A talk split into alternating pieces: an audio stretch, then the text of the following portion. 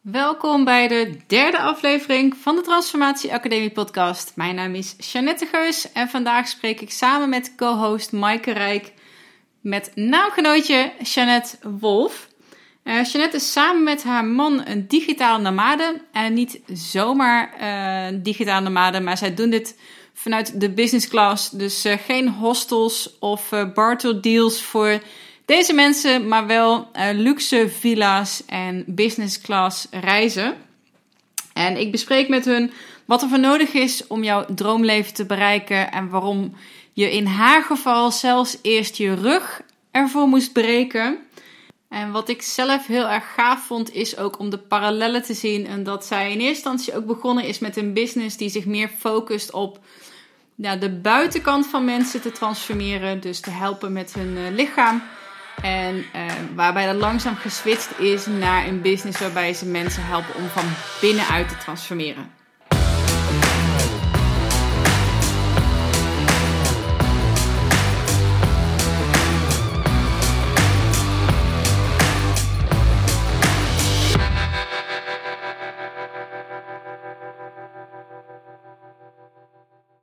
Een leuk weetje over deze podcast is dat zowel Jeanette als ik digitaal nomade zijn, maar we toch deze podcast vanuit Nederland hebben opgenomen. Ik was op dit moment eventjes in mijn hometown in Tilburg en Jeanette was ook toevallig eventjes voor korte tijd in Nederland. En voordat we verder gaan wil ik ook eh, onze sponsoren bedanken. En dat zijn er drie. En dat is te weten Love Fit Food. Het platform voor iedereen die op een uh, bewuste en gezonde manier bezig wil zijn met lekker eten, lekker trainen en ook uh, lekker leven zonder uh, bullshit. De tweede is uh. Dat is de webshop waar ik mijn Alpha Brain en MCT-olie bestel. En MCT-olie gooi ik elke ochtend door mijn koffie. En de derde, dat is 12 Waves. En dat is een training die ik heb gevolgd om zakelijk meer groei en momentum te creëren. En wat mij onwijs heeft geïnspireerd en waar ik ook heel erg enthousiast over ben. En waarvan ik eigenlijk vind dat iedereen die ook zakelijk en persoonlijk verder wil, deze training moet doorlopen. Dat was het. Heel veel luisterplezier bij deze aflevering. Ik ben Jeanette Wolf en uh, ik reis samen met mijn man John als digitale nomade de wereld over. En wij hebben onze eigen online bedrijf opgezet, waarin wij uh, in het ene bedrijf ondernemers coachen op meer vrijheid en meer winst binnen hun bedrijf. En een ander bedrijf dat is Bikini Fitness en dat uh, zijn onze passieve producten. Um, en omdat wij het volledig online hebben, kunnen wij eigenlijk ook heel simpel gezegd wonen waar we willen. Zolang wij internet hebben, kunnen wij namelijk overal werken.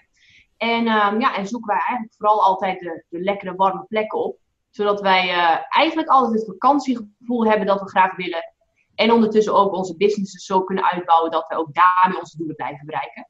En uh, ja, dat is uh, wat ik doe. Cool.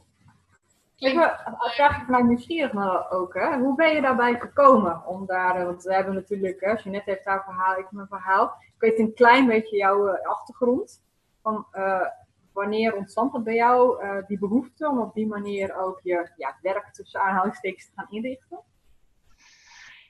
Ik, er, er is, ik denk dat dat gegaan is, gewoon een keer zo gelopen is. Ik weet nog wel dat ik het al veel eerder had dan John. dat ik op een gegeven moment vooruit mijn paardenhouderijopleiding was het nog. Toen was ik 18 of zoiets toen ik uh, echt volop in de paardentraining zat. Toen ben ik naar Estland gegaan voor um, een maand of twee uh, paardentrainen. Mm-hmm. Stageperiode. En tot die tijd had ik eigenlijk helemaal niet heel veel met reizen. Ik vond het wel leuk om op vakantie te gaan, maar daar was wel zo'n beetje mee gezegd. En um, toen ontdekte ik dat er eigenlijk ja, heel veel vrijheid mogelijk is en dat ik het tof vind om veel nieuwe dingen te ontdekken. Um, maar ik was nog helemaal niet bezig met überhaupt online werk. Ik wist ook niet eens dat het kon, want ik was ja, paardentrainster. En toen op den duur is het meer bij gekomen dat ik steeds meer last kreeg van mijn lijf. Want ik heb uh, fibromyalgie en chronische vermoeidheid. En ik reageer heel slecht op temperatuur zoals in Nederland. Heel onstabiel, vaak nou, voor mijn gevoel heel koud. En um, toen ben ik eigenlijk steeds meer gaan ontdekken dat als wij op reis waren, John en ik op vakantie waren, dat ik veel minder last had. En het avontuur, dat sprak me ook wel aan. Nou, en gaandeweg is dat eigenlijk de combi geworden van laat ik eens gaan kijken hoe ik mijn leven zo in kan richten dat ik altijd op reis kan zijn. En uh, ik weet nog dat de eerste keer dat ik dat bij John opperde, um, ik denk dat dat nu een jaar of vier, vijf geleden wel echt totale paniek had hij. Echt, want dat was gewoon nee, dat was gewoon absoluut niet mogelijk om überhaupt zoiets te gaan doen met je leven. En uh, je gaat ook niet altijd op vakantie, want dat kan niet. Nou, en dat heb ik toen voor mezelf eerst meer en meer uitgeplozen hoe dat zou kunnen. Toen kwam, nou ik ga meteen helemaal uh, de diepte in, maar toen kwam ik in 2012, uh, viel ik van een, van een paard af toen brak ik mijn rug. En toen ja, was eigenlijk voor mij het moment dat ik ook wist van hé, hey, ja, ik heb nu een soort van de kans om iets heel nieuws te gaan doen met mijn leven. Um, dat wilde ik ook heel graag, maar ik durfde het niet. Nou, dit was het moment dat ik echt gewoon een soort van vrijbrief kreeg voor mijn gevoel om nu een andere richting op te gaan. En um, toen is met in mijn achterhoofd het idee om uh, meer te gaan reizen. Heb ik eerst, waarom vraag ik me niet, een offline business weer opgebouwd. Dus dat lag totaal niet in lijn. Uh, maar gaandeweg, uh, pratende door de jaren heen met John, ook dat hij meer plezier in leek te krijgen, zijn we echt gaan kijken hoe kunnen we het heel gericht zo gaan neerzetten. Dat we enerzijds dus gewoon zorgen dat ik veel minder last heb van mijn lijf altijd. Dat we anderzijds echt die vrijheid hebben die we heel graag wilden hebben en wel altijd samen kunnen zijn. En dat we ons leven simpelweg zo kunnen gaan bouwen als wij voor ogen hebben. En ja, zo is dat gaandeweg eigenlijk ontstaan. Maar het was niet één punt dat ik dacht, van, mijn leven moet omgegooid worden, ik moet op reis. Dat niet. Mhm. En je zei, ik heb eerst een offline business gebouwd. Wat was dat? Want volgens mij uh, ken ik jou daar in eerste instantie ook van. Ja, ik begon, uh, nou, in het allereerste begin was mijn offline business dus paardentrainen. Ik heb een, een jaar of drie, vier dat bedrijf gehad. En uh, nu bestaat eigen paard Goudwaard nog steeds. Alleen dat is dan niet meer trainingen, maar dat is nu echt een, een pensioenstal voor oude paarden. Um, toen ondertussen, toen ik mijn rug zeg maar brak, die periode 2012, toen was ik ook uh, in mijn laatste of ene laatste jaar geloof ik van diëtiek, voeding en diëtetiek.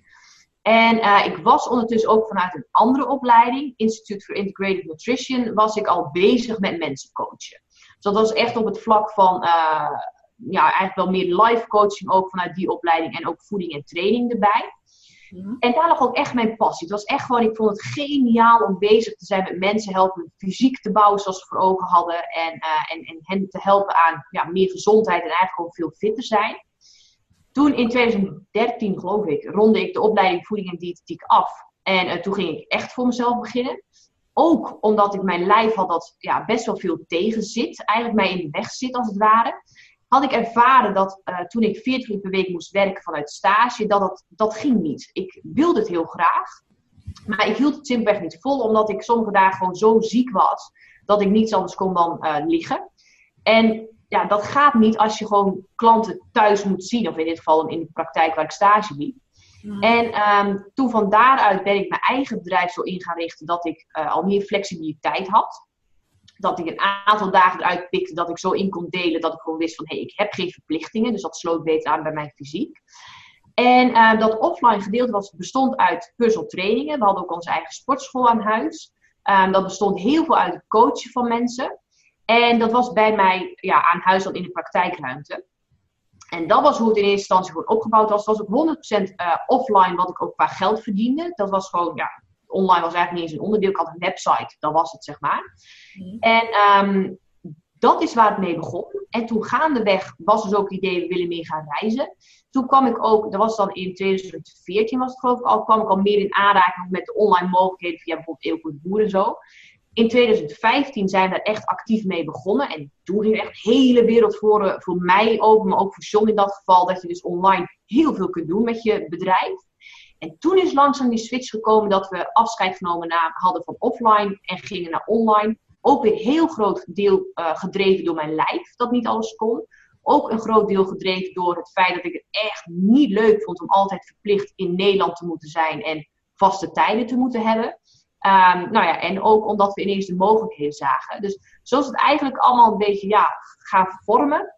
Maar het begon dus inderdaad gewoon een soort van normale baan, vaste tijden en eigenlijk wat de meeste mensen in het begin uh, doen. Ja, je vertelt het, ik vind het een heel mooi verhaal. Hè? Je vertelt het eigenlijk heel smooth, zo van het echt zo zonder enig hobbeltje uh, zo is ontwikkeld. Um, een beetje ook vanuit onze ervaring heb ik het gevoel dat er best wel wat hobbeltjes zijn geweest. Ja, heel Kun je ons meenemen in juist ook dat stuk van, uh, van, jou, van jullie reis eigenlijk? Ja, zeker. Nou ja, het eerste hele grote hobbel uh, was het breken van mijn rug. Want dat is heel onpraktisch. Ehm, en ik had een soort van idee bedacht voor mezelf. Tot aan mijn dertigste is dit wat ik doe. En nou, dat had ik gewoon besloten, dus dat bleef ik doen. Alleen gaandeweg merkte ik dat het me echt niet gelukkig meer maakte wat ik deed. En daar is ook in 2012, begin 2012, ontstond op het moment dat ik echt oprecht met tegenzin dingen ging doen. Ondanks dat het wel mijn passie was. Het paardentrainen was echt wat ik graag deed. Vond ik echt oprecht heel erg leuk. Alleen het moest. Het was echt werk geworden. En toen ervaarde ik voor het eerst iets dat, ja, ik weet niet, dat samenhing met iets met zoveel tegenzin gaan doen. Zo'n verplichtingsgevoel dat ik echt met, dit kan niet zijn hoe mijn leven is. Want dit, dit vind ik echt niet leuk. Dit wil ik niet. Nee. En dat eerste half jaar van 2012, en stond ik echt in het teken van nadenken over, hoe ga ik mensen in godsnaam vertellen dat ik dit werk niet meer doe. Dat ik hiermee ga stoppen. Want iedereen zei tegen mij, weet je, zo tof hè, dat je je passie, dat is je werk geworden. En vanuit je hobby heb je je werk gemaakt. En iedereen was intens blij voor mij. En ik dacht, ja, weet je, ik hoop gewoon dat ik een soort van mijn hand breek of zoiets. Dat ik gewoon een reden heb om te stoppen hiermee. Dat iedereen snapt, hè, van ja, dan kun, tuurlijk, dan kun je niet meer op een paard stappen. Logisch dat jij ermee stopt. Heel veel plezier in de rest van je leven.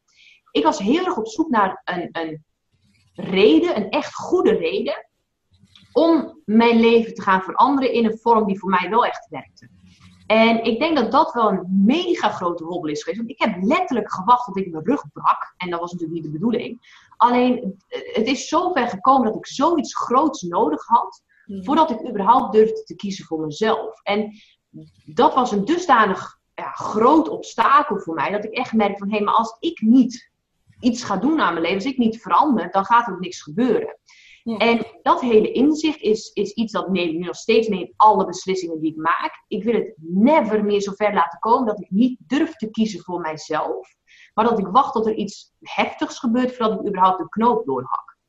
Nou, en gaandeweg die hele reis van nou ja, paardenmeisje tot aan ehm, waar ik nu sta, heb ik heel veel keuzes moeten maken. En hobbels die onder andere best wel groot waren, maar nog steeds wel kunnen zijn af en toe voor ons is dat echt niemand in onze omgeving snapt dat we dit überhaupt doen. Ja. Je kunt niet. Ja. Of ben je op vakantie dan? Hè? Ja. Maar zijn, zijn jullie dan gewoon aan het werk, toch? Ja. En als je thuis komt, dan kun je altijd nog weer gewoon een vaste baan nemen. En weet je, als wij dan zeggen, ja, maar dit, dit is gewoon ons leven, zeg maar. Dus dit is gewoon in principe wat we altijd blijven doen. Dat, dat gaat niet. Dat komt er niet in bij mensen. En uh, want je kunt niet altijd in uh, warme landen wonen, op vakantie zijn en ook nog geld verdienen. Want dat is een connectie die de meeste mensen gewoon niet maken natuurlijk. En um, dat, ja, het is niet eens afgunst. Het is absoluut geen afgunst uit de mensen uit onze omgeving. Helemaal niet. Alleen dingen als, zou je niet eerst nog even tien jaar, tien jaar doorgaan met je vaste baan? Want dan kun je daarna, als je zekerheid hebt, alsnog die stap gaan nemen. Of wat nou als het misgaat, dan heb je echt helemaal niks meer. En dan stort je leven in en heb je geen pensioen. Dat is ook zo'n beetje waar alles om draait. En uh, weet je, dit is helemaal niet verstandig om te gaan doen. Dus al dat soort dingen. In het begin waren wij ons heel erg aan het verdedigen over waarom dit wel een goede keuze is. En waarom je nu iets moet gaan maken van je leven. In plaats van wachten tot je vijftigste, je stok ongelukkig bent. En je eigenlijk ook nou, niet echt meer wat kunt gaan doen. En um, die verdediging maakte dat wij nooit werkelijk doorpakte. Omdat uh, heel veel mensen die die mening hielden, wij toch best wel zwaar wogen aan die mening van andere mensen. En daardoor niet de nodige actiestappen aan te zetten waren. Wat maakte dat we uh, ons en heel kloten voelden, omdat we ons non-stop moesten verdedigen. Ons ook heel onbegrepen voelden. En wat soms ook echt wel de momenten gaf dat we dachten, ja, waar zijn we eigenlijk mee bezig? Kan dit überhaupt wel? En ik zei dat uh, is iets dat nog steeds af en toe wel tegenstaat. Nu niet meer in de zin van dat we ons uh, tegen laten houden, absoluut niet.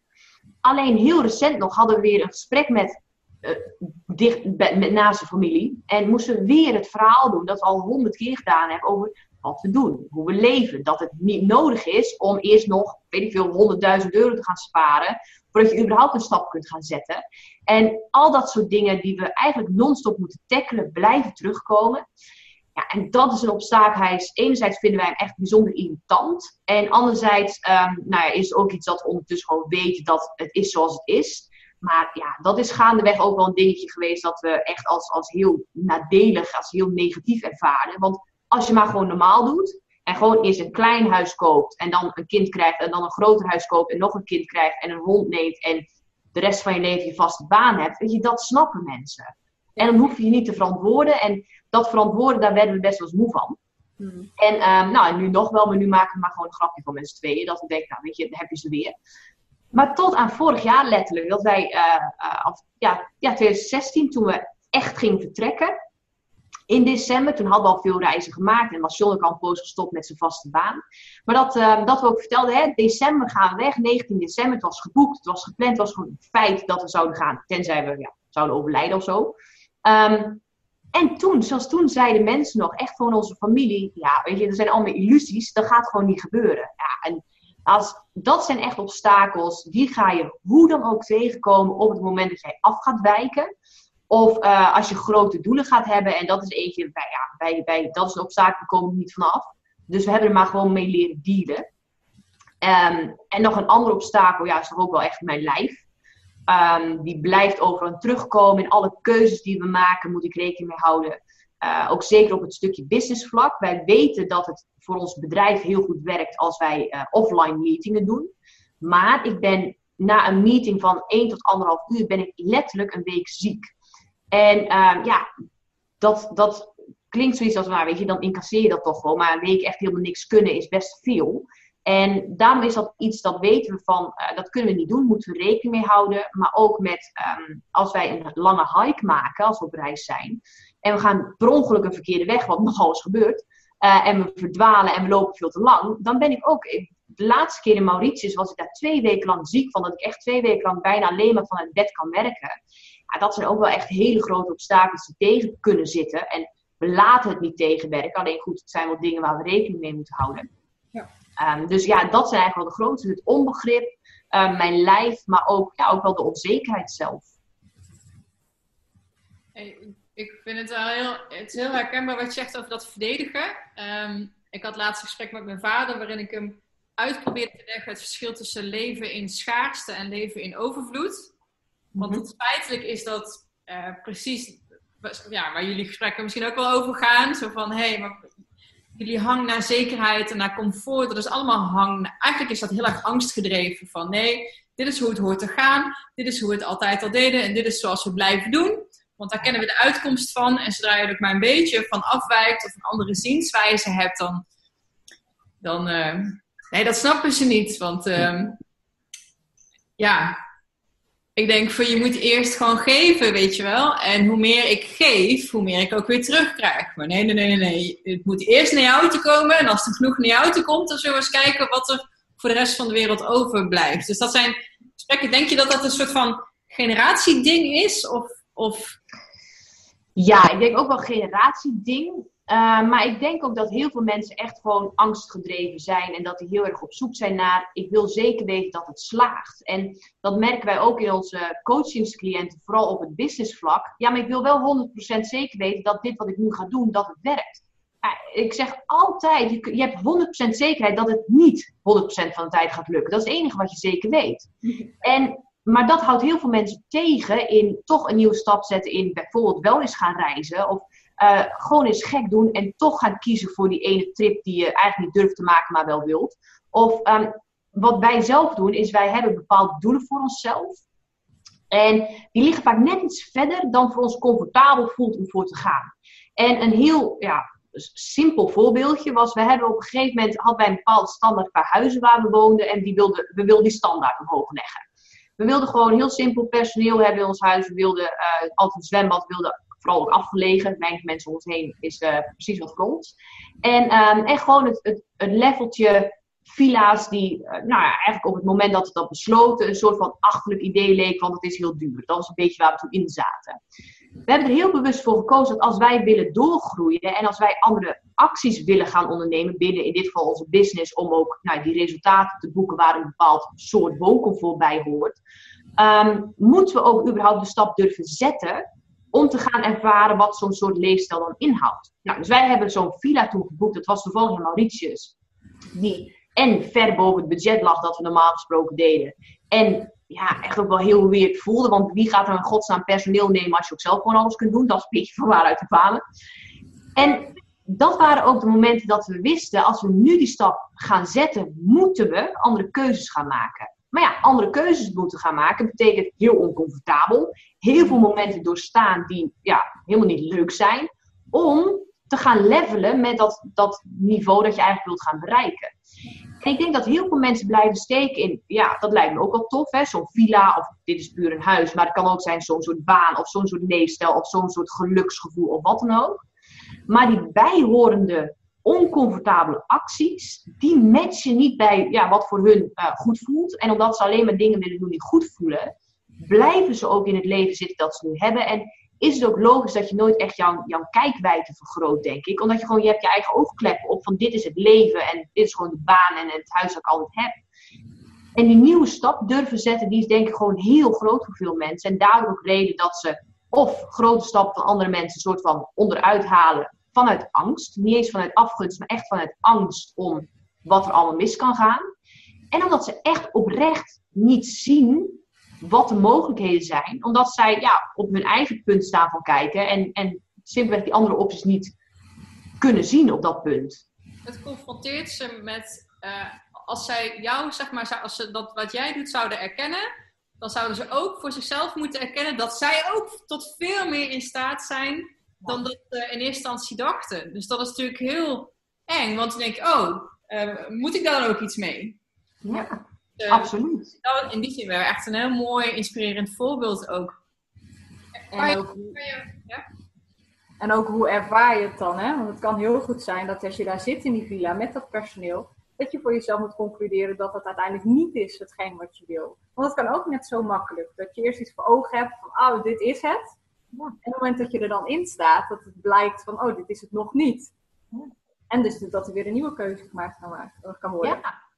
Ja, en, en ik denk dat het ook is met bijvoorbeeld banen en al die keuzes. Want dat zijn natuurlijk ook, dat is een heel ander soort keuze dan gewoon een huis waar je in woont. Maar een baan is natuurlijk al wat confronterender voor veel mensen.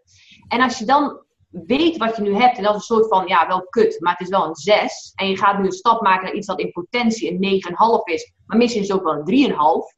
Dan is het makkelijker om vast te houden aan die 6, dan de mogelijkheid hebben dat je misschien zakt naar de 3,5, in plaats van te kiezen om van datgene wat je, nou ja, welk besluit gaat maken, die 9,5 er ook absoluut uit te gaan halen. Want A, dat is veel werk. Over het algemeen zijn die dingen uh, confronterend en kosten ze moeite. En ik denk dat, uh, ja, dat die zekerheid vast willen houden voor wat je nu hebt, altijd fijner is voor de meeste mensen dan kiezen voor iets dat in potentie heel goed kan zijn, maar in potentie ook echt zwaar kan tegenvallen. Kan je een uh, voorbeeld geven van zo'n oncomfortabele of lastige keuze die jullie hebben moeten maken om in die villa terecht te komen? Ja, zeker. Um, wij hadden uh, op een gegeven moment in 2000, eigenlijk twee heb ik het. 2015 was het moment dat uh, John ook helemaal voor zich zag hoe hij het leven ging leiden, wat hij wilde doen, maar hij had nog zijn vaste baan.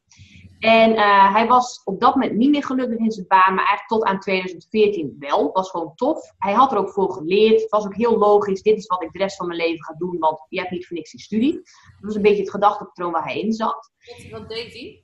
Uh, hij was uitvoerder in de civiele techniek. Bruggen bouwen, al dat soort dingen.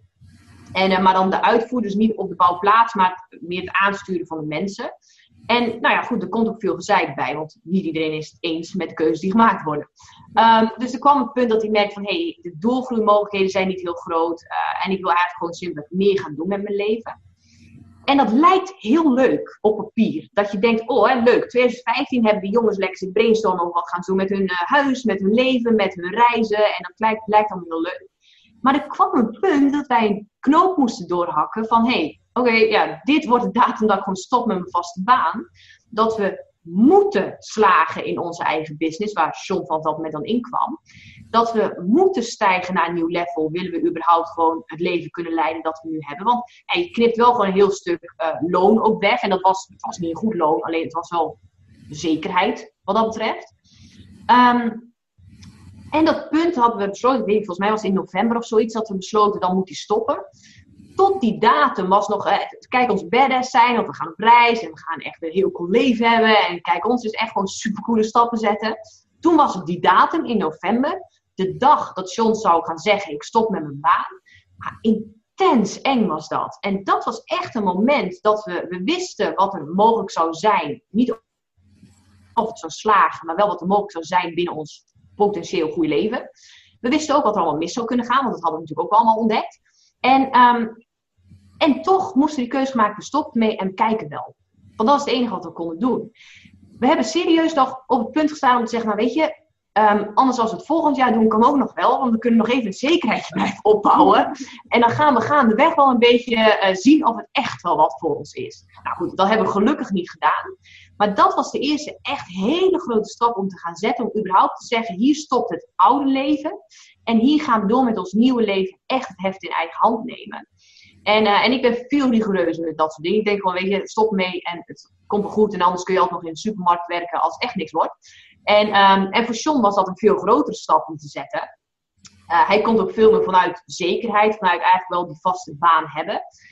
Maar dat was het eerste punt dat wel een, ja, een, een heel groot moment was dat voor ons de, uh, ja, de, de, de knoop doorhakken van nu gaan we voor een nieuw leven. Dat heeft heel veel mogelijkheden voor ons geopend. Maar dat was ook wel zo'n dingetje dat we echt super eng vonden om te doen. Dat was toch de vraag, want ik ben ondertussen de vraag een beetje kwijt. ja, vervolgens was een oncomfortabele keuze die je ja. moet maken om, om, omhoog te, op te, up te levelen. Hoe zeg dat? Ja. ja.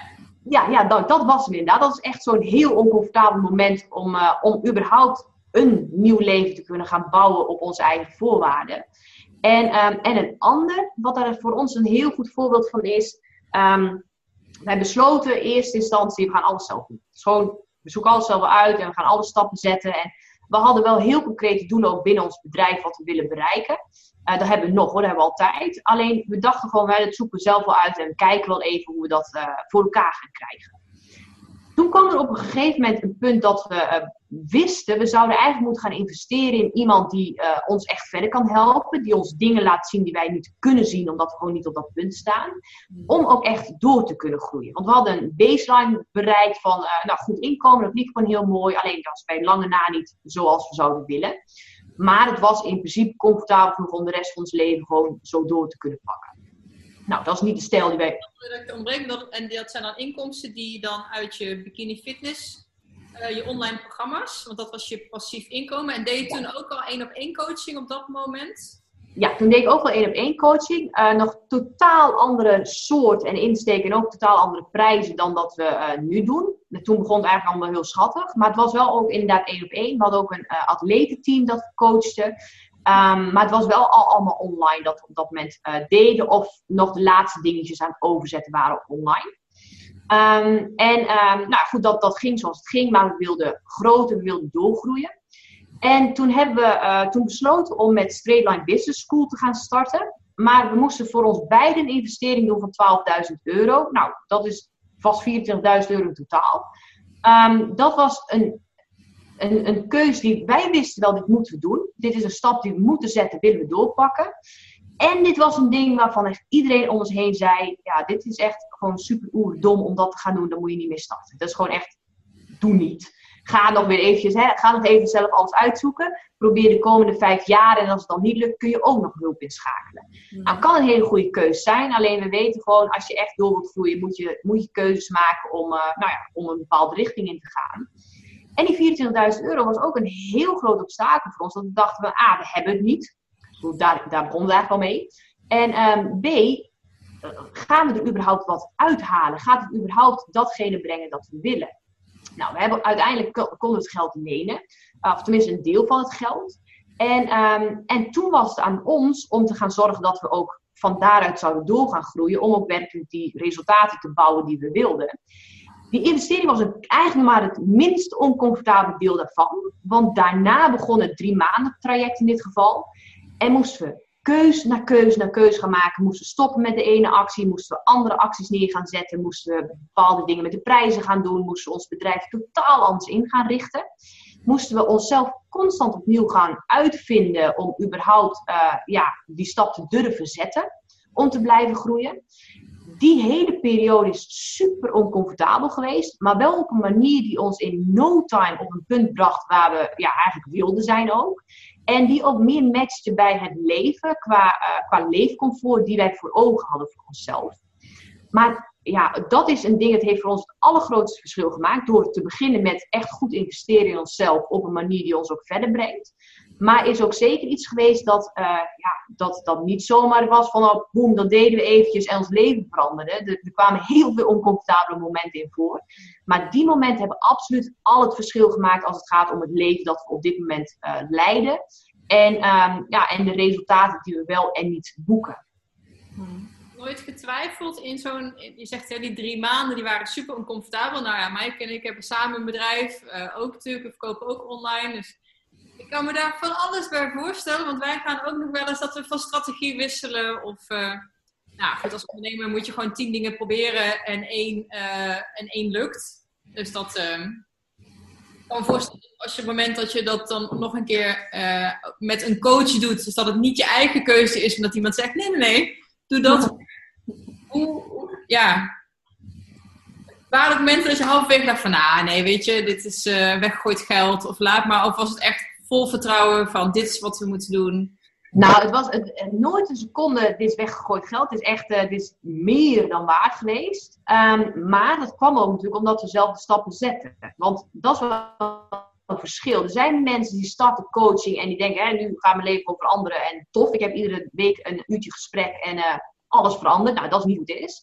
Als je de stappen zet, dan de, een, een, echt goede coach gaat niet zeggen je moet dit doen, maar die gaat je gewoon vragen stellen. Welke dingen zou, zou het beste zijn? Waar kun je verbeteren? Nou, al die dingen. Um, dus we hebben altijd onze eigen keuzes gemaakt. Maar op het moment dat wij een keuze maakten, vertelde diegene waar we spraken, in dit geval was het Otto. Um, en Otto werken nu nog mee. Die zei dan tegen ons: hey, oké, dit is heel goed. Maar als je nu eens gaat kijken van dit punt, zeg maar die berg waar hij op stond, een hoge punt. Dan zie je dit en dit en dit en dit als mogelijkheid. Wat zou daarin keuze zijn die beter kunnen werken? Of dat je nog sneller op dat punt komt waar je wilt. En dat maakt ook, ik weet nog dat in het allereerste begin, was de eerste week, kregen wij al de opdracht: ga nou serieus kijken naar je prijzen, waar je die kunt gaan veranderen. Nou, we, we werkten toen nog in de bikini, uh, echt één op één coaching, wedstrijdcoaching. En ik weet nog dat ik de stap zette van uh, 150 euro naar 200 euro per maand vragen. 195 euro per maand vragen. Die 5 euro, dat ik dacht van, hé, dat is dan een soort van oké. En ik weet nog dat, dat ik denk, oh, als mensen dit gaan betalen per maand, hè, dat is echt idioot. Dat is niet normaal. Als je dit gaat doen, dat is echt gaaf. Als ik dan iemand als klant heb. En anderzijds dacht ik, alles stort in. Dat is gewoon het enige dat ik dacht, iedereen stopt. Iedereen haakt af, alles mislukt. Ik sta daar met 0 euro en ons hele leven stort in. Dat hebben we meerdere keren gedacht, die periode. Dus ik, ik zette die stap. En ik zeg ik, omdat ja, het was mijn coach. Maar natuurlijk, John die zat wel al bij het bedrijf in. Dus als we ten onder zouden gaan, zouden we samen ten onder gaan. Dus die stap naar die 200 euro was gezet. Dat moment dat die eerste persoon zei, ja, ik doe dat, was super. En tegelijkertijd haakte echt letterlijk de helft van onze klanten af. Dat echt dacht, fuck, waar gaat dit heen met ons hele leven überhaupt? En gaandeweg druppelden nog wat mensen weg en was een soort van, ja, niet ingestort, maar het was wel zeg maar, tot het absolute minimum beperkt als het gaat om uh, de oude klanten die we nog over hadden. Hmm. Maar van daaruit kwamen allemaal nieuwe mensen, omdat we ook een andere strategie hadden van mensen aanspreken. En uh, nou, van daaruit zijn we verder blijven groeien. En nu denk ik, ja, alles voor 200 euro per maand, leuk en lief, maar dat natuurlijk, daar gaat helemaal niemand zijn bed voor uitkomen. Um, maar goed, dat punt, dat hadden we toen we begonnen absoluut niet. Toen was het gewoon echt, als je 200 euro vraagt per maand, ben je echt een, echt een total badass. Dat is echt geniaal. En die momenten dat we uh, nieuwe, nieuwe acties gingen zetten, nieuwe prijzen gingen vragen, nieuwe mensen gingen aanspreken, nieuwe, nieuw team gingen opzetten binnen ons bedrijf, qua, qua mensen waar we mee werken. Um, dat waren allemaal momenten dat we dachten van, hé, hey, we gaan in de rechte lijn omhoog. Dat we eerst totaal kelderden naar een punt dat we dachten, dit gaat echt net nooit goed komen. Toch doorpakten, vooral ook door uh, terugvallen op de coaches, op de begeleiding, op de constante training om door te blijven groeien om vervolgens uiteindelijk weer een leveltje hoger te gaan komen. Dus het is constant moeilijk geweest en nog steeds blijven zulke keuzes maken. Die, die groeikeuzes die blijven gewoon altijd aanwezig natuurlijk als je door blijven groeien. Um, maar we kunnen ondertussen ook heel goed dealen met het feit dat soort van 80% van de dingen mislukt. 20% wel lukt en daar halen wij dan ons plezier uit en kunnen we ook van door blijven groeien. Um, maar ja, voor ons het allergrootste verschil is echt geweest om met coaches aan de slag te gaan. En uh, in dit geval begonnen dan In het allereerste begin met Eelco de Boer, die ons ook liet zien wat is er allemaal online mogelijk. Uh, toen dan SLB en, uh, en daarna doorgeweest met Otto Duis, waar we mee, uh, nu nog mee werken.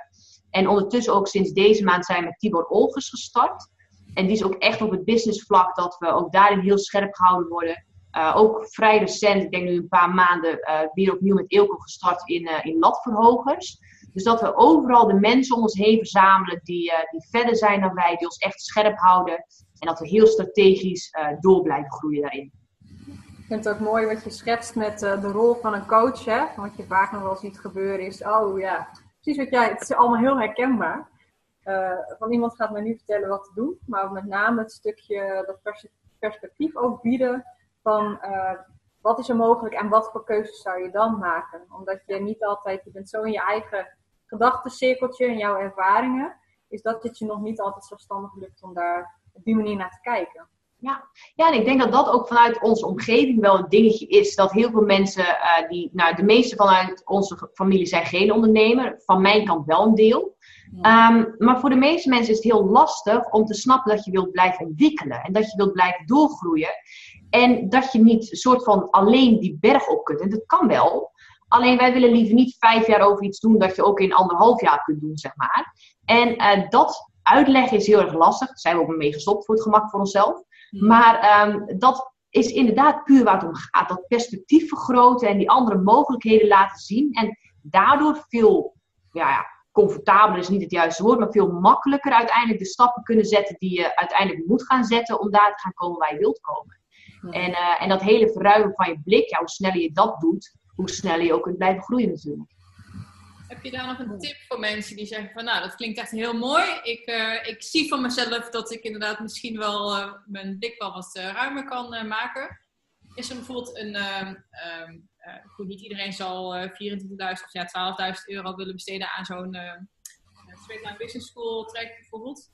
Maar is er bijvoorbeeld een boek of, een, of iets wat jou, um, ja, wat voor jou een keerpunt teweeg heeft gebracht? Uh, ja, voor mij was het keerpunt toch echt wel uh, een serieus goede business uh, coach in hand nemen.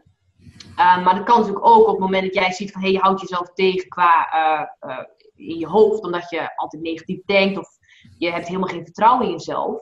Ga je dan echt richten op dat stukje, hoe kun je dat gaan ontwikkelen? En dat kan ook zijn natuurlijk met in dat geval een life coach bijvoorbeeld. Maar welke, wie ik heel tof vind is Brian Johnson. Die heeft, volgens mij is het brianjohnson.me dat zijn site is. Maar je gewoon Brian Johnson en Optimize intypt in Google, kom je wel bij hem. Um, wat hij namelijk doet, is hij heeft een membership. Dat is 10 euro per maand. 10 dollar per maand. En um, hij maakt van boeken, van persoonlijke ontwikkelingsboeken, samenvattingen en video's, zodat jij direct die kunt implementeren in je leven. Um, en dat, is, dat doen wij ondertussen al jaren dat we daarmee bezig zijn. Maar dat stukje persoonlijke ontwikkeling, als je ergens wilt beginnen, begin daarmee. Begin met hoe jij jezelf kunt optimaliseren qua manier van denken, qua manier van leven, qua manier van handelen. Want uiteindelijk is vooral jouw hoofd de basis van de stappen die je wel of niet kunt gaan zetten. Maar ook zeker als het gaat om het bouwen van het leven dat jij voor ogen hebt.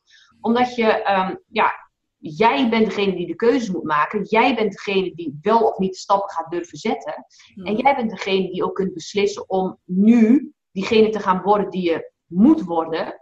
Om daar te gaan komen waar je wilt komen. En ja, dat stukje persoonlijke ontwikkeling, mentale training, briljant. En als je heel laagdrempelig wilt beginnen, begin dan in dat geval bij Brian. Zeker. Ja, goede tip. Ik ga de link ook zeker uh, aan de andere uh, linkjes ook. Um, ja, even iets totaal anders, want je zit nu uh, in Nederland. ik ja. een, een, soort van hoogtepunt vragen. Ja, ik, ik volg natuurlijk ook op Instagram.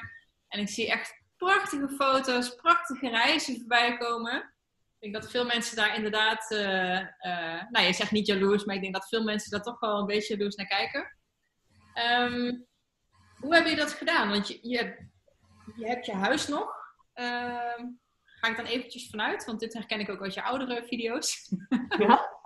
hoe, heb je dat, hoe heb je dat gedaan zeg maar, qua reizen? En als ik mag vragen ook, hoe doe je dat financieel? Ja, um, qua, qua inkomen bedoel je? Ja, of qua... Mhm. ja gewoon de, het financiële plaatje. Want het lijkt voor heel veel mensen lijkt het heel ver weg van, oh, uh, inderdaad 100.000 nodig. Of als ik een miljoen heb, dan kan ik dat soort dingen doen. Nou, ik weet uit ervaring dat je vaak het ligt heel erg aan waar je naartoe gaat, maar dat dat helemaal niet eens zo is. Dat je het eerst maar eens voor jezelf op papier moet gaan zetten van, hé, hey, dit wil ik. Wat kost dat? Ook echt daadwerkelijk. Wat kost een vliegticket? Wat kost daar een maand uh, wonen? Wat kost daar mijn levensonderhoud? En dan blijkt vaak dat dat nog best wel meevalt. Maar mensen denken dan, oeh, dat dat heel veel is. Maar goed, jullie zitten best wel, wat je zei al, business class, high-end locaties, high-end um, ja, plekken waar je, waar je, waar je tijdelijk woont. Um, hoe doe je dat? En je hebt je huis nog in Nederland, dus je hebt hier ook nog vaste lasten.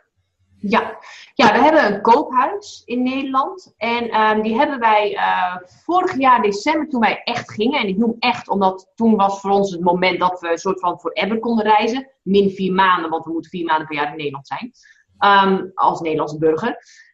Um, gedurende 2016 hebben wij eerst geoefend. En geoefend in de zin van, vinden wij het leuk om veel te reizen? Wat voor reizen vinden we leuk? Wat voor huizen vinden we leuk? Wat willen we wel en niet qua soort werk onderweg? Um, echt alles simpelweg geprobeerd, zodat we een beeld kregen, wat willen we eigenlijk met ons leven? En dat hebben we gedaan door kleine tripjes te maken. We gingen naar Ibiza en Malta en weet allemaal dat soort eilandjes. Om, uh, om gewoon verschillende ideeën te gaan krijgen. Hoe wilden wij ons leven gaan inrichten?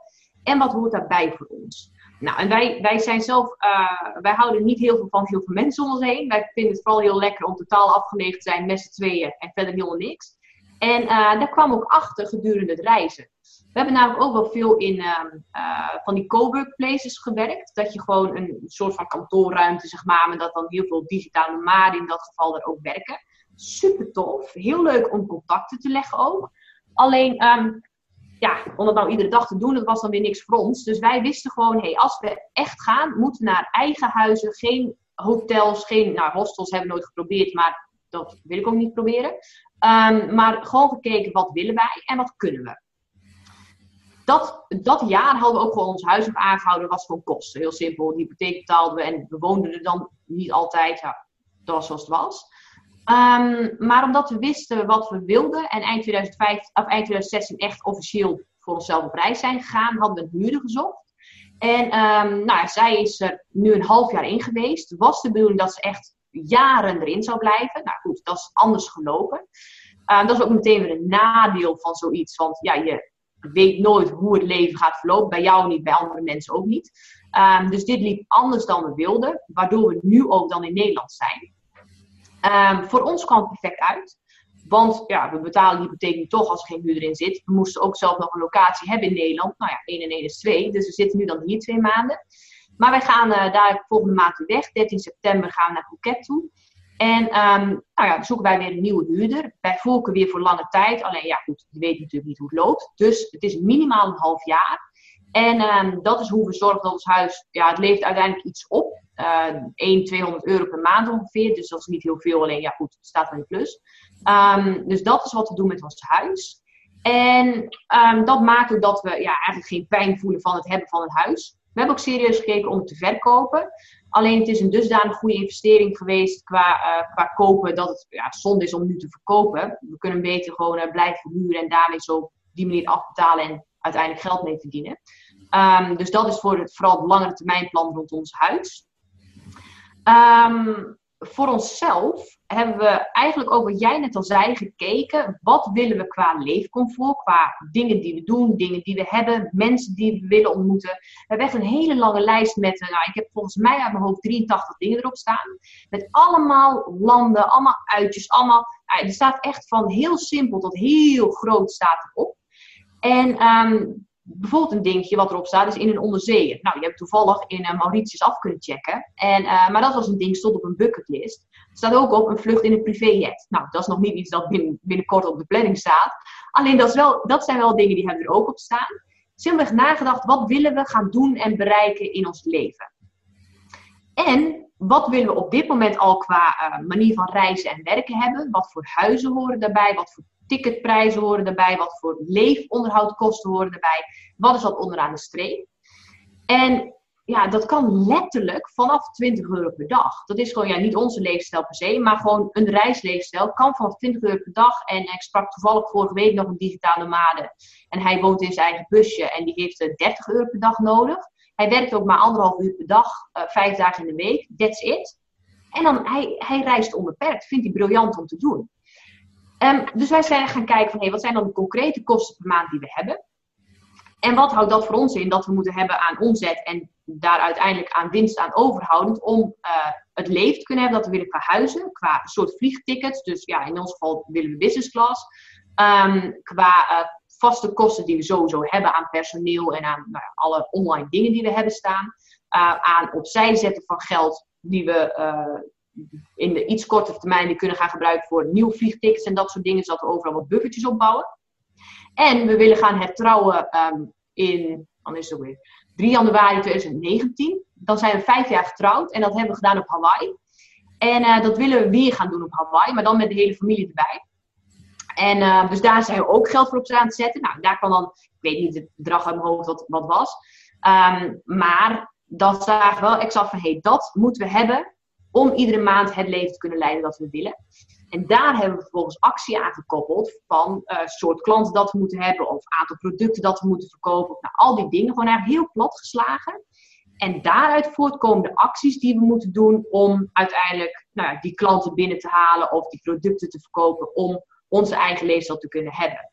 Nou, wij hebben ook binnen onze eigen doelen dat we iedere maand um, een paar honderd euro kunnen geven gewoon, nou ja, aan mensen. Gewoon, laatst zagen we bij de supermarkt staan in Mauritius, die zagen echt al weken lang staan. En uh, denken we, weet je wat, die geven gewoon uh, geld mee. Nou, jongen intens blij. En uh, wij ook blij. En dat vinden we leuk om te gaan doen. Maar ook, zoals eind van dit jaar, gaan we terug naar Bali. Daar hebben we Ketut ontmoet afgelopen jaar. En hij is, zoals wel meer mensen die we onderweg ontmoeten, hij heeft een boot. Maar die boot is te zwaar. Die krijgt hij niet in en uit het water alleen. Dus hij kan er niet echt ja, wat mee doen. Dus hij verdient er ook geen geld mee. Maar die boot heeft hij nodig om geld te verdienen. Maar hij heeft ook een nieuwe boot nodig om überhaupt ja, zijn business aan het draaien te krijgen. Dus hij heeft nu een investering nodig voor die boot. Maar die investering krijgt hij pas als hij een boot heeft. Nou, hij zit klem. En uh, we kennen hem, we hebben daar twee, uh, twee maanden zo leren kennen. En echt gewoon iedere dag veel contact mee gehad. En we hebben besloten, weet je, wij gaan eind van het jaar terug. En zo'n boot kost 3.000, 4.000 euro daar. En dan heeft hij gewoon een goede boot. Kan hij zijn leven opbouwen, zijn gezin verder helpen. En dat zijn ook dingen waar wij echt voor willen sparen om, uh, om zulke mensen te kunnen helpen. Dus ook dat hebben wij meegenomen in wat we nodig hebben per maand om ook dat als nou ja, to-do zeg maar, af te kunnen checken. Om, uh, om daarin mensen tegemoet te gaan komen. En ja, dat is eigenlijk hoe we het gedaan hebben. In het begin begon het vrij klein en, en was volgens mij, ik, uit mijn hoofd, was het geloof ik 3000 euro of zoiets dat we uh, genoeg aan hadden. Toen hadden we geen personeel, was, dat was dan omzet hoor, 3000. En dan hielden we veel, 15, 1500 of 2000 of zo over. Kon gewoon heel prima van leven. Nou, ondertussen uh, werd onze ondergrens was dan 10.000 dat we wilden. Nou, nu is onze ondergrens 20.000. En um, dat zijn dingen, ja, daar horen andere acties bij dan als je 2 of 3000 per maand wil hebben. En daarin blijven wij groeien en ontwikkelen. En dat maakt ook dat we onze eigen persoonlijke, ja, materialistische lat kunnen gaan verleggen qua ja, eigenlijk huis en vliegticket. Dat zijn de enige twee dingen die we willen hebben. En vooral ook van waarde kunnen zijn voor de mensen die we leren kennen, uh, de goede doelen waar we ons echt bij kunnen vinden. Um, niet echt een goed doel, maar meer mensen die we zo onderweg tegenkomen. Ja, en daarin die groei blijven maken, dat, dat vinden we fantastisch. En dat maakt ook dat het ook een soort van ja, het klinkt heel stom, maar nut heeft om te blijven ontwikkelen binnen onze business. Omdat we echt veel van waarde zijn ook voor de andere mensen die we daarmee uh, een mooi leven kunnen geven. En, uh, ja, en dat is waar wij voor kiezen. Maar is het nodig? Nee, ik bedoel, echt niet. Je kunt echt voor 20, 30 euro per dag op pad gaan. Dan kun je altijd onbeperkt reizen. Dan ga je gewoon, uh, gewoon al die local dingetjes doen qua, qua huisvesting, qua eten, al dat soort dingen. En um, dan kun je echt een heel vrij leven leiden. Even Um, volgens mij blijven jullie steeds, als ik je website goed begreep, twee, drie maanden op een locatie. Dus in zo'n uh, prachtig huis, inderdaad. Um, hoe ziet zo'n gemiddelde werkdag van jullie eruit? Nou, um, dat is wel, ja, wel lekker. Ik heb ook echt wel helemaal zin weer als we volgende maand in, uh, in Thailand zijn. Nou, we staan op, ja, gewoon als we wakker worden. Dus dat is meestal uurtje of tussen zes en zeven, soms vijf, ligt een beetje aan uh, welk ritme we aanhouden. En dan uh, beginnen we in eerste instantie met um, zwemmen, mits het zwembad niet te koud is. Want in Mauritius was het wat frisser. Nou, dat was zo intens koud, toen hebben we het zwemmen laten zitten. Um, en wat ochtendsporten, gewoon een beetje bewegen. Ehm, en vaak ga ik ook naar het strand. Alleen in Mauritius waren we niet aan het strand, dus was wandelen niet echt leuk. Want het was gewoon ja, een kale asfaltweg. Um, maar als we aan het strand zitten, dan, uh, dan ga ik echt een strandwandeling maken of daar wat hardlopen. En allebei, zoals John en ik, begin ook echt met dan een podcast op dat we uh, weer onszelf ontwikkelen daarin. Of uh, met dingen luisteren die we interessant vinden en uh, die ons in een hele goede flow brengen wat dat betreft voor de dag. En um, nou, dan gaan we ontbijten. En um, dan gaan we beginnen met ons werk. En de ene dag, ik heb drie vaste Skype-dagen. Daarin werk ik van ochtends tot middags Nederlandse tijd uh, van 6 tot 1 met klanten. Ja, dat ligt aan ons onze tijdzone waar we leven, wat dat voor mij is. Dus in Bali was dat dat ik smiddags pas werkte, omdat we daar andere tijden hadden. Um, in Mauritius was het maar één uur verschil, dus ja, was het nagenoeg gelijk. En dadelijk in Thailand weet ik gewoon tussen 11 en 6 werk ik. En dat is dan voor Nederland, is dat geloof ik 6 tot 1, dacht ik uit mijn hoofd. Um, dus als ik zocht een Skype gesprek heb, nou dan is dat gewoon tot aan smiddags een uur of 1. Dan gaan we, um, John heeft zijn andere werkzaamheden. Nou, dan gaan we uh, lunchen. of dan gaan we naar de gym en daarna lunchen. Uh, naar de sportschool. En uh, nou, smiddags gaan we of weer verder aan het werk of we gaan naar het strand. We toeren heel veel rond op onze scooter. Want we, horen, we, we huren overal een scooter waar we dan met z'n tweeën op zitten. En dan kun je echt ja, de omgeving verkennen op een scooter is echt heel cool. Dus dat doen we echt structureel altijd. En behalve in Nederland, want dat is ja, ik weet niet, dat is het snelheidsleveltje is al vrij snel bereikt, vind ik, op de scooter met z'n door Nederland. Um, dus dat doen we niet. En het regent de helft van de tijd, dus dat is ook niet lekker. Um, maar ja, de rondrijden door de omgeving vind ik ook echt heerlijk om te doen. Onze um, middag bestaat dan ook weer uit, uh, nou ja, of eventueel een webinar als ik die heb. Of bezig gaan met uh, de, de pagina's en zo die we moeten maken, meer het online marketing gedeelte. Ja, of niks. Het hoeft niet. Alleen we werken graag en we willen graag onze uh, doelen afchecken. Dus um, ja, in die zin kiezen we ervoor om veel te werken. Maar als we een keer bedenken, doen we niet, dan doen we het niet. En vrijdag, iedere vrijdag is onze vrije dag. En in het buitenland houdt gaan we echt altijd hele toffe uitjes doen. Dan gaan we echt gewoon, nou ja, bijvoorbeeld in die onderzee wat ik vertelde. Uh, of gaan op een boot of zo. Of soms gaan we ook gewoon echt een hele dag rondrijden op scooter. Dat we gewoon uh, van alles gaan zien van de omgeving. Stoppen om wat te eten. En Um, nou, doen we eigenlijk gewoon helemaal waar we zin in hebben.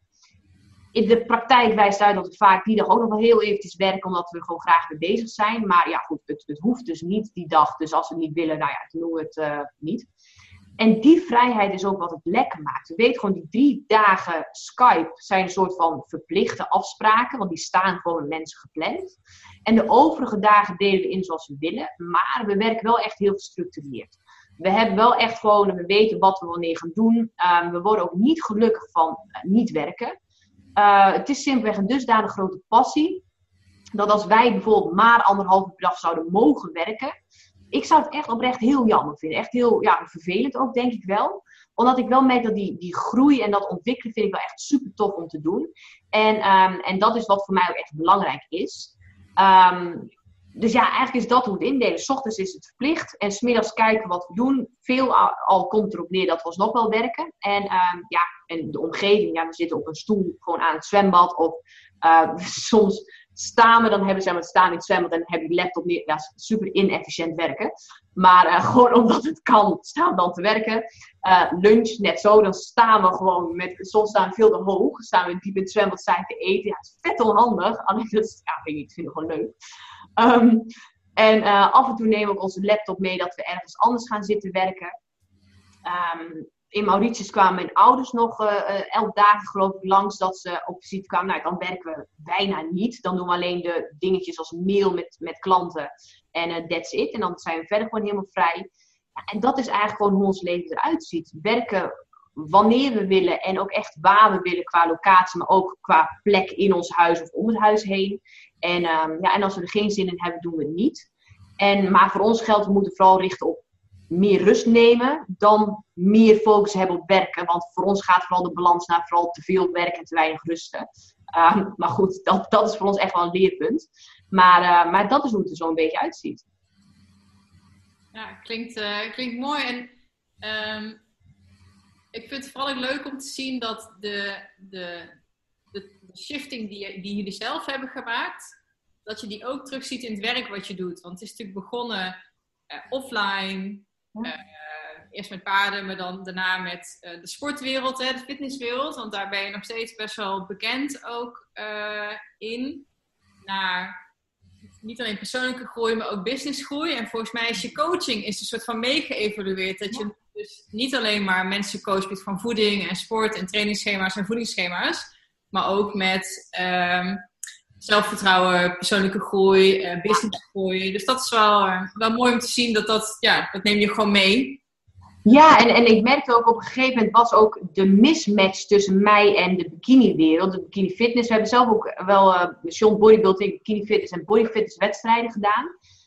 Um, dat was toen echt superleuk en dat, dat vonden we ook, ja, dat was gewoon echt ons ding. Alleen gaandeweg bleef wij doorontwikkelen, want we doen echt al jaren iedere dag gewoon onze persoonlijke ontwikkeling en die groei erin. het, het voelde steeds ja, weet niet, soort van oppervlakkiger, nuttelozer misschien wel, om alleen maar te richten op je lijf. En, uh, en er was zoveel meer mogelijk. En dat hebben we ook verder uitgebouwd, inderdaad, binnen uh, ook de producten vanuit wel de fysiek coaching. Daar zit ook heel veel persoonlijke ontwikkeling bij in. Dat komen um, mensen op het, ja, eigenlijk pas achter op het moment dat ze ook starten. Want heel veel mensen, echt heel veel, die zijn ervan overtuigd, ja, maar ik hoef niks te doen aan mindset. Maar ik denk op het moment dat jij denkt, ik hoef niks te doen aan mindset, moet je juist wat gaan doen aan mindsetontwikkeling. Want dat is gewoon, dat is dan waar het soort van misgaat. En um, dus die merken dan ook wel, hé, hey, maar omdat ik nu uh, voor mezelf op durf te komen, of omdat ik nu uh, durf te kiezen wat ik echt wil, omdat ik nu, terwijl ze met een fitnessprogramma bezig waren, een andere baan durfde te kiezen, dat is wat het verschil maakt voor mijn hele leven eigenlijk. En dat is wel wat we ook echt met alle producten en diensten willen hebben. Dat we echt onze mensen, onze mensen, maar de mensen waar we mee werken en uh, die ook onze producten uh, bestellen, dat zij echt impact maken op hun eigen leven. Dat ze uh, die, die kant op gaan die hen intens gelukkig maakt. Dat ze stoppen met die dingen waar ze niet blij van worden. En dat ze echt het leven zo gaan bouwen als ze willen. Want die, die mogelijkheid heb je, die heeft iedereen. Alleen je moet soms net eventjes de mogelijkheden zien voordat je de eerste stap kunt gaan zetten. En uh, ja, die ontwikkeling zit inderdaad, ja, dat gaat gewoon één op één met onze ontwikkeling, gaat onze business er ook absoluut in mee. En Mike en ik zaten een beetje te grinniken, want uh, ja goed, we coachen zelf ook. En, uh, en ook in ons eigen pad, weet je wel. Uh, wij zijn ook gestart met ja, mensen laten zien dat het allemaal niet zo ingewikkeld is. En doe het gewoon normaal en het is toch niet zo moeilijk. eet toch gewoon dit of dat. Hm ja, en als je nu mensen coacht, um, binnen met ik wil afvallen, maar het kan heel goed zijn dat zo'n coachingstraject gewoon over van allerlei dingen gaat, behalve over wat ze eten, omdat dat niet hun grootste struikelblok is. Um, Maaike coacht er uh, iets, uh, iets meer dan ik, zeg maar. Maar, uh, of die hebben net iets andere insteek, uh, alle twee. Maar dat is wel heel gaaf om te zien ook ja, wat je dan kan bereiken. En ook maar ook mensen zien het ook echt niet. Ze denken, nee, zeg me wel van alsjeblieft precies hoeveel, zeg maar, zeg maar wat ik moet eten en dan lukt het wel. Ja. Je moet vooral ook gewoon streng voor me zijn, want uh, af en toe dan uh, weet ik gewoon, dan eet ik het koekje toch, maar jij moet gewoon streng zijn. Ja. En dan, uh, dan gaan we het fixen. Ja, ja, klopt. En dat is gewoon, mensen denken oprecht dat ze alleen maar een voedingsschema nodig hebben. En ik denk dat dat ook is wat, wat heel veel mensen binnen wat voor vlak van het leven ook gewoon uh, hen tegenhoudt. Omdat ze alleen maar kijken naar die praktische handvaten. En um, waar wij bijvoorbeeld heel richten, of het bikini is, of in uh, life coaching of op business coaching. We hebben het heel veel over hoe jij jezelf neerzet en hoe jij jezelf ziet en welke keuzes jij maakt vanuit ja, hoe je denkt te zijn. En bij iedereen, of je nou komt vanuit een ernstige eetstoornis, financiële problemen, een eigen business hebt of een ander fysiek wilt gaan bouwen. Het begint hem bij hoe jij jezelf ziet. En als jij jezelf alleen maar ziet als diegene die gewoon een totale loser is en niks kan, en wel gewoon alleen maar even een eetschema wil, of alleen maar even wilt weten, weten hoe je een website bouwt of zo, dat lijkt goed op het, op het oog, op de voorkant. Hmm. Alleen je gaat op je bek. Want je gaat volgende week niet meer je eetschema kunnen volhouden. Of je gaat volgende week merken dat je eigenlijk helemaal geen zin hebt om je website neer te gaan zetten. Of je gaat tegenkomen dat je het toch wel eng vindt om je prijs te verhogen. En dan komt het echt gewoon weer aan op die mentale training en op hoe jij jezelf ziet en neerzet. Wat het verschil gaat maken in wel of niet dat doel blijft gaan bereiken. Ja. En ook het stukje, we hebben eerder al een keer een interview gehad met, uh, met onze coach. En dat ging ook over het stuk verantwoordelijkheid nemen voor je acties. Hmm. Ik dat heel veel mensen het idee hebben van als ik maar borstel en ploeg, dan neem ik verantwoordelijkheid. Terwijl ze eigenlijk in de slachtofferrol zitten. Ja. Dus, eh, dat zou jij wellicht ook wel herkennen. Ja, absoluut. Ja, absoluut. Ja, vandaag ook nog weer twee wel mooie dingen. Iemand die aangaf, ja, ehm, ik heb eh, dit zat tegen, dit was niet leuk, dat was niet leuk. Eigenlijk was alles kloten. Oké, en komt dat omdat alles kloten was? Of denk je dat als er iemand mee was die op een positieve manier naar de dingen kijkt, dat hij er wel leuke dingen uit had gehaald? Ja, nou dat, eh, dat dacht ze dan wel, dat dan waarschijnlijk wel. En toen kwam ook ineens het inzicht, het viel ook het kwart van, oh wacht even, misschien zit hem inderdaad in hoe ik er naar kijk, in plaats van hoe dingen werkelijk zijn. En, en dat inzicht maakt al het verschil. Maar ook iemand die aangaf, ja, ik, ja, ik ben nou helemaal gewoon moe als ik uh, uit mijn werk kom. Dat is gewoon zoals het is. Daar kan ik niks aan doen, ja. Dus dan kan ik ook niks doen, toch? Nou ja, dat weet ik niet. Is dat, kan dat niet? Of maak je die keus? Ja, ja, nou, natuurlijk doorvragen. En dan is altijd de conclusie, ja, ik heb eigenlijk wel zelf een keus. En ik koos ervoor om toch of een koekje te eten, of toch niet aan mijn business te werken, of toch niet nee te zeggen op datgene waar ik eigenlijk stok ongelukkig van word. Mhm. En die keuze heb je echt 100% invloed op, maar je moet je er eerst bewust van zijn. Ja. En die autopilot ook uit, hè? Je het stuk van eh, het moe zijn, als je uit je werk komt, dan doen heel veel mensen, nou, dan gaan ze voor de tv zitten. Maar wat biedt het voor de tv zitten jou? Geeft dat daadwerkelijk ontspanning? Of is het gewoon een automatisme wat je keer op keer op keer op keer eigenlijk inzet, omdat je de alternatieven niet bekijkt en wat dat voor jou betekent? Ja, absoluut. Absoluut. Toevallig ook iets waar ik eh, gisteren in één keer, eh, want ik ben nu nou, nog maar net onderweg, nu twee maanden. Eh, en nu dus voor het eerst weer terug. En dit kwam ook terug trouwens in het eh, interview met eh, Leroy Naarden, is dat eh, iedereen onderschat de invloed die de omgeving op ze heeft. Mhm. Onder omgeving schaar ik ook even de routines zoals televisie kijken. En ik heb dus gisteren bijvoorbeeld zelf voor de eerste keer weer een avondje genetflixt. En ook voor de eerste keer weer eigenlijk net iets te veel gegeten bijvoorbeeld. En dat is in één keer, in één keer zo'n soort van Eureka-moment van... Oh, dat is wat ik al die jaren verkeerd deed. Ik zat voor de televisie en ik had gewoon... Terwijl ik eigenlijk twee maanden lang super in tune was met mijn lijf. En met mijn hongergevoel en met wat ik nodig had. En of ik maar ik, ik was geen televisie aan het kijken. En ik was niet continu aan het werk, maar ook weer een beetje zoals wat jij beschrijft.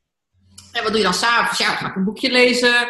Of gewoon tijd naar bed. Dat vind ik ook fantastisch. Ja. Donker. Maar de invloed van die televisie gewoon op je... Ja, Jezus, op alles bijna ook. En ehm, zo bizar. Omdat in één keer, omdat je dat dan twee maanden niet doet. En in één keer gebeurt dat. Dan denk je, Jezus, dit is gewoon wat je altijd deed. En wat iedereen doet. Je wordt een soort van genamd door... ehm, ja, door, door een soort van hypnotiserend iets is het. Ja. Dus ehm, En heel veel mensen snappen ook niet dat ik al jaren geen nieuws kijk of lees. Of, ik, het interesseert me oprecht niet. Ehm, want het is toch alleen maar shit die je toegekeurd krijgt. Ja. En het doet ook helemaal niks voor mijn leven, maar ook niet voor het andere. Ik weet nog één moment, toen zat ik bij de fysio vorig jaar of zo. En er was, of weet ik veel wanneer het was, en er was dan een, ehm, een aanslag gebeurd ergens. Nou, daar wist ik niks van, want zulke dingen gaan altijd langs mij heen. En, ehm, en er was dan een vrouw die gaf, oh verschrikkelijk hè, dat dat gebeurd is. Nou oké, ik snap dat ik dat heel erg vind. Ik vind het ook oprecht heel erg toen ik dat hoorde. En vervolgens erover blijven klagen. Ik denk, ja, of ga heen en doe er wat aan. Of stop met erover zeuren, want dat heeft uiteindelijk helemaal geen nut. En dat is, dat is eh, bijvoorbeeld ook weer met, als we het hebben over die generatiekloof. Dat, nou ja, onze ouders snappen het een soort van, maar niet echt. Onze opa's en die snappen het echt helemaal niet. Dat je gewoon geen nieuws kijkt of luistert. Want dat is gewoon een soort van core business van je dag op dat moment. En, maar op het moment dat wij ermee gestopt zijn, merkten we dat het heel veel rust geeft. En op het moment dat je dan, ja, soort van per ongeluk, zeg maar, in de auto een keer het nieuwsbericht of zo luistert. En gewoon maar één ja, mededeling krijgt dat negatief is, merken we echt dat het heel veel effect heeft op hoe je denkt, waar je later op de dag nog weer aan terugdenkt. En dat het allemaal invloed heeft op je keuzes die je maakt en de dingen die voor jou wel of niet goed voelen. Ah, en dat heb je zeker ook met tv. Het voedt het, het, eh, het stukje van ons brein wat continu op zoek is naar gevaar. En dat is gewoon een evolutionair stukje. En we willen natuurlijk overleven, dus we moeten heel erg opletten met zijn er geen gevaren voor ons. En het nieuws is alleen maar slecht nieuws natuurlijk. Dus als je continu de hele dag, drie keer per dag het nieuws luistert, is voor jou de wereld is gevaar. Slecht, er gebeuren aanslagen en mensen politiek en het zijn allemaal ehm, eh, geldbeluste mensen die het ons voor hebben. En weet je, dus je wordt continu volgestopt met angst en schaarste. En maar vooral gewoon lekker blijven doen wat je doet. Dat is veilig. En daar vooral niet uit proberen te breken. Nou, uh, Mike en ik kijken inderdaad ook geen, uh, geen televisie. Alleen af en toe wat Netflix of een filmpje om te ontspannen. Ja. Uh, nieuws, ja. En het is wat je zegt, mensen reageren daar heel gek op. Ja, maar je moet toch weten wat er in de wereld ja. ja. Dat ja. Ik hoor het wel als het zover is, als er iemand op mijn stoep staat. En dat, dat is heel gek om dat uit te moeten leggen. En ik lees liever gewoon zelf een boek. of ja, en ja ik merkte dat ook, wij waren toen in Bali. En er was dus schijnbaar een aardbeving geweest. En met echt modderstroom was er echt ook veel mensen omgekomen. Dus op een gegeven moment kregen we appjes van onze opa's en ouders. Is alles goed bij jullie? Nou, allemaal echt paniek-appjes. En wij zeiden, holy fuck, wat is er gebeurd dan? En wij zeiden, ja, eh, nee, het gaat wel goed. We zaten ook gewoon aan het zwembad of zoiets. We deden echt gewoon een soort van niks. En um, ja, zeggen ze, hebben jullie dat dan niet gemerkt met die aardbeving? Nou, toen zagen we, nou, het was wel aardig dicht bij ons huis. Maar wij hadden er niks van meegekregen. En het is dat zij nou ja, het nieuws volgden en dus wisten en ons een soort van op de hoogte stelden van wat er net gebeurd was vlakbij ons. Maar anders hadden we het oprecht niet meegekregen. Ja, ons leven was er ook niet anders van geworden als we het niet of wel meegekregen hadden. Is je leven slechter als je het niet weet? Ja. nee. nee. nee. Hey, een podcast is een paar keer voorbij gekomen. Nou, wij zijn zelf ook vervente podcastluisteraars. Ja. Um, wat is je favoriete podcast? Um, ik heb er eigenlijk meerdere die ik op dit moment wissel. Ik heb die van Thijs, van, Thijs uh, van Lindhout, de 100% Inspiratiepodcast. Dat vind ik heel leuk. Uh, Brian heeft, uh, ik heb sinds kort zijn Optimize app op mijn telefoon. Dat is niet echt een podcast, maar dat is wel echt heel tof. Tony Robbins. Johnson, die je noemde. Ja, ja, klopt. Brian Johnson. Um, Tony Robbins heb ik opstaan. Um, ik heb nu ook uh, Robin Sharma, had ik, maar die heb ik nu afgeluisterd. Maar die vind ik ook wel uh, heel erg goed. Ik weet niet de naam daarvan. Ah, nu zeg ik Robin Sharma, maar misschien ook al niet. Ik ga het even opzoeken. Ja, volgens mij wel van hem. Um, dat zijn eigenlijk wel de grootste die ik nu luister. Nou, en ik neem ze ook veel op dan. Dat is voor onze eigen podcast. En die, en die luister, ik, luister ik ook, maar dat is meer maar als in, wat heb ik ook alweer verteld. Uh, en ja, nee, dat zijn wel uh, nu de belangrijkste eigenlijk. Nienke van der Lek, die heeft pas nog geluisterd. Ilke Boer, die heeft er ook in, die, uh, die ook wel regelmatig. Die update nu ook weer uh, met regelmaat. Ja, en soms kom ik gewoon een soort van per ongeluk op anderen uit. Um, die van Michael Pilarczyk is denk ik ook wel heel interessant voor veel mensen. Um, nog wat te denken.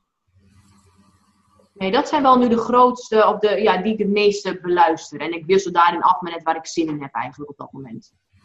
Ja, het is heel mooi, want wat, wat je doet, uh, we sluiten het nieuws buiten. Mensen met al een uh, negatieve opvatting. En in plaats daarvan stop je gewoon positiviteit. En je zei het al van, hè, je komt in flow, je wordt gemotiveerd, je raakt geïnspireerd, je ziet mogelijkheden, uh, je ziet potentie en je ziet je eigen potentie. En je wil daar gewoon lekker aan gaan bouwen. Dus dat, ja. ja, uh, een prachtig iets. Ik kan je uh, nog twee vragen, tenzij Maaike, uh, misschien het ook nog. Uh, wat was tot nu toe jullie hoogtepunt? In ons leven? Diep, dieptepunten gehad, maar als je er eentje uit mag lichten. Mm. Ja, dat is eigenlijk gewoon, die begon toen met, met dat John stopte met zijn werk. En, en van daaruit dat, dat we eigenlijk het hoogtepunt dat je het leven volledig zo kunt vormen als je zelf wilt. Mits je ook bereid bent de keuzes te maken die erbij horen.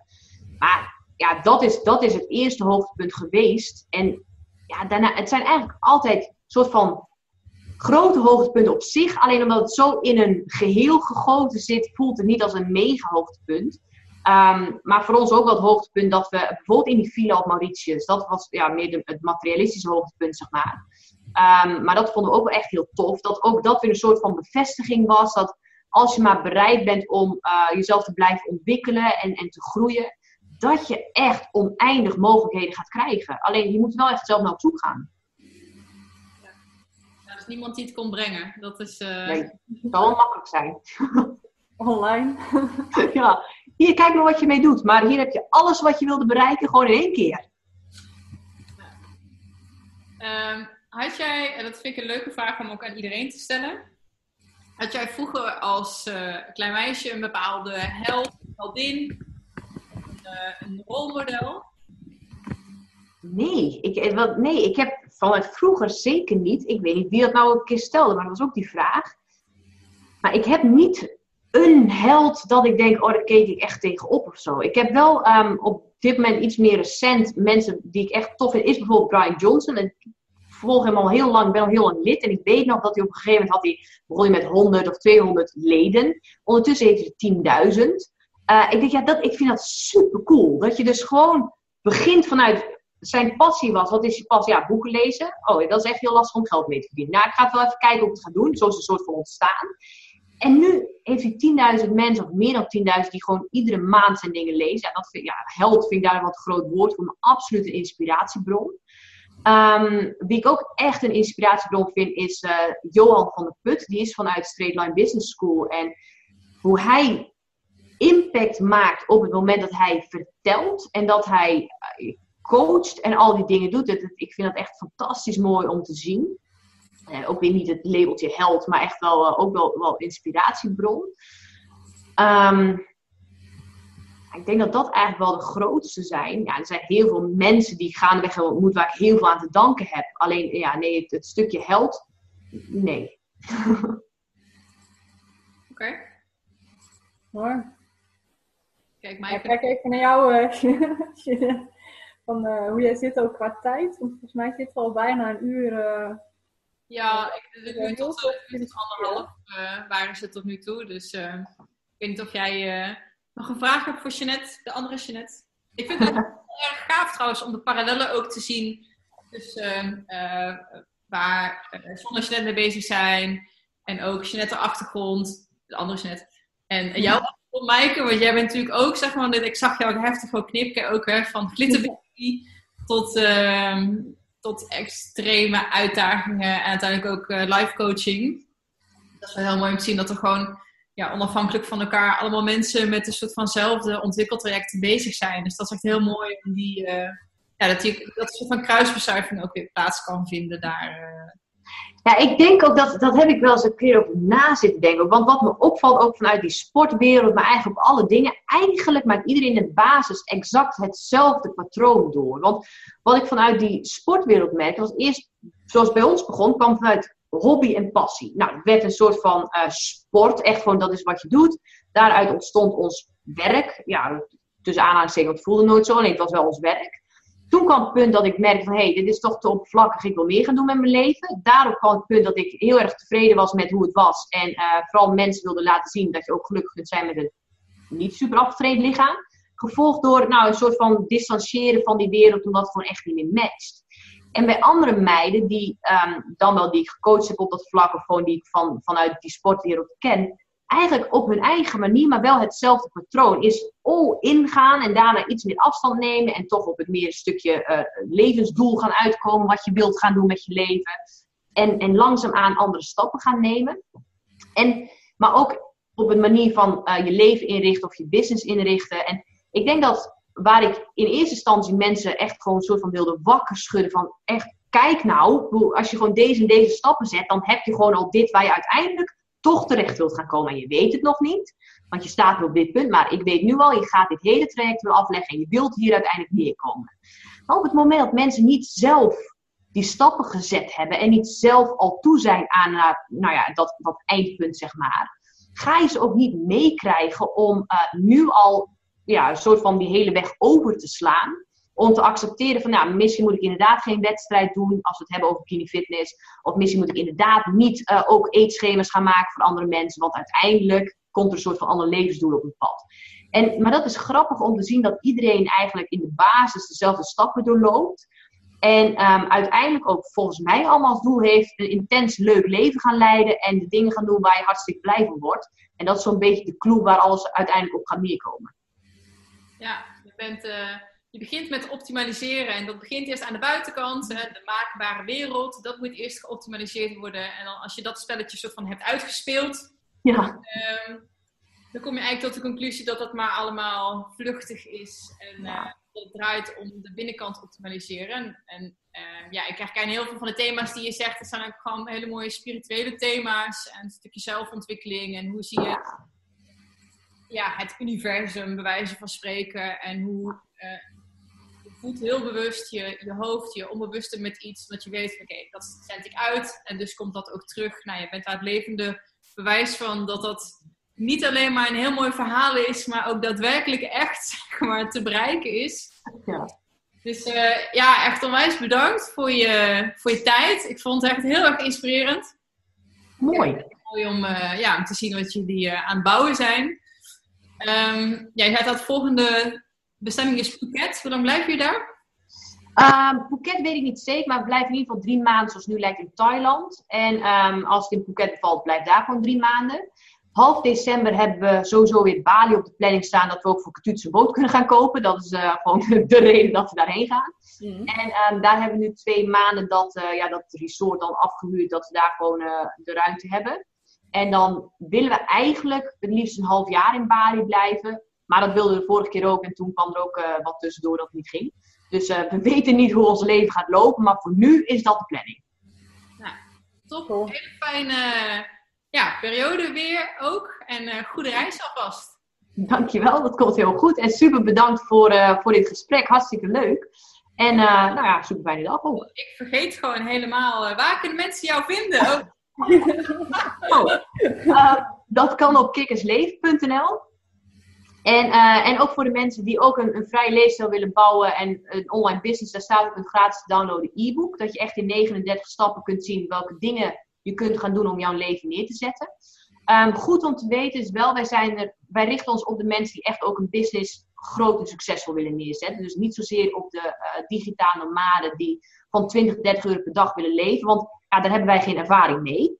Um, maar, maar als jij into reizen en uh, het ondernemen bent, dan is zeker Kicks Leven geschikt. En daar vind je eigenlijk alles van onze podcast tot onze bioscoop, tot alle, alle dingen die we delen. Uh, en Instagram, het Kickers Travel. En daarin zie je echt onze persoonlijke uh, verhaaltjes en dingetjes. Dus als je echt vooral de reisinspiratie op wil doen, dan is dat helemaal goud. Ja, cool. Ik nog, uh, dat, bedacht me nog dat ik één ding vergeten was. Inderdaad, um, waar ik zelf ook een beetje tegenaan liep. Als je uh, zegt dat je digitaal nomade bent. En ook als je kijkt wat je natuurlijk tegenkomt online. Vaak is het, zijn het inderdaad de travel bloggers. Die ja aan doen. Dat is natuurlijk heel, heel logisch, hè, want dat zijn mensen die veel reizen en die op, dat, dat, op die manier van hun passie hun uh, werk hebben gemaakt. Um, dan denk ik, ja, ik niet. Ik doe eigenlijk het wat jij doet. Weet je, je coach, je bouwt producten, je bent met je, uh, je online business bezig. Alleen toevallig vanaf een andere plek. Ja. En toevallig ook leuk om dan um, heel erg mobiel te zijn. Dus ik blijf dan steeds twee, drie nachten ergens en dan ga ik weer door. Maar misschien verandert dat nog. Uh, een volgende keer. Maar voor nu was dit even een mooie eerste start, zeg maar.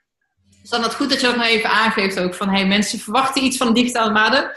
Dat 90% van wat ze zien zijn mensen die...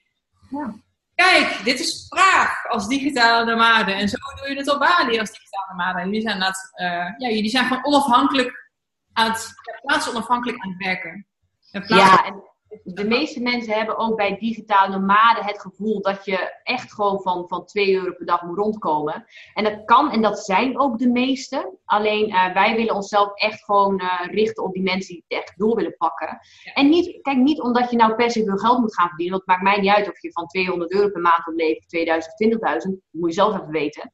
Maar dat er wel mogelijkheden zijn om een heel succesvolle business te gaan bouwen en tegelijkertijd altijd op vakantie te zijn. Alleen ja, je moet het wel slim gaan insteken en ook de juiste, juiste acties voor ondernemen. Um, maar goed, ja, dat is ook zeker op onze website vind je niet manieren om te gaan uh, besparen en van 20 euro te leven.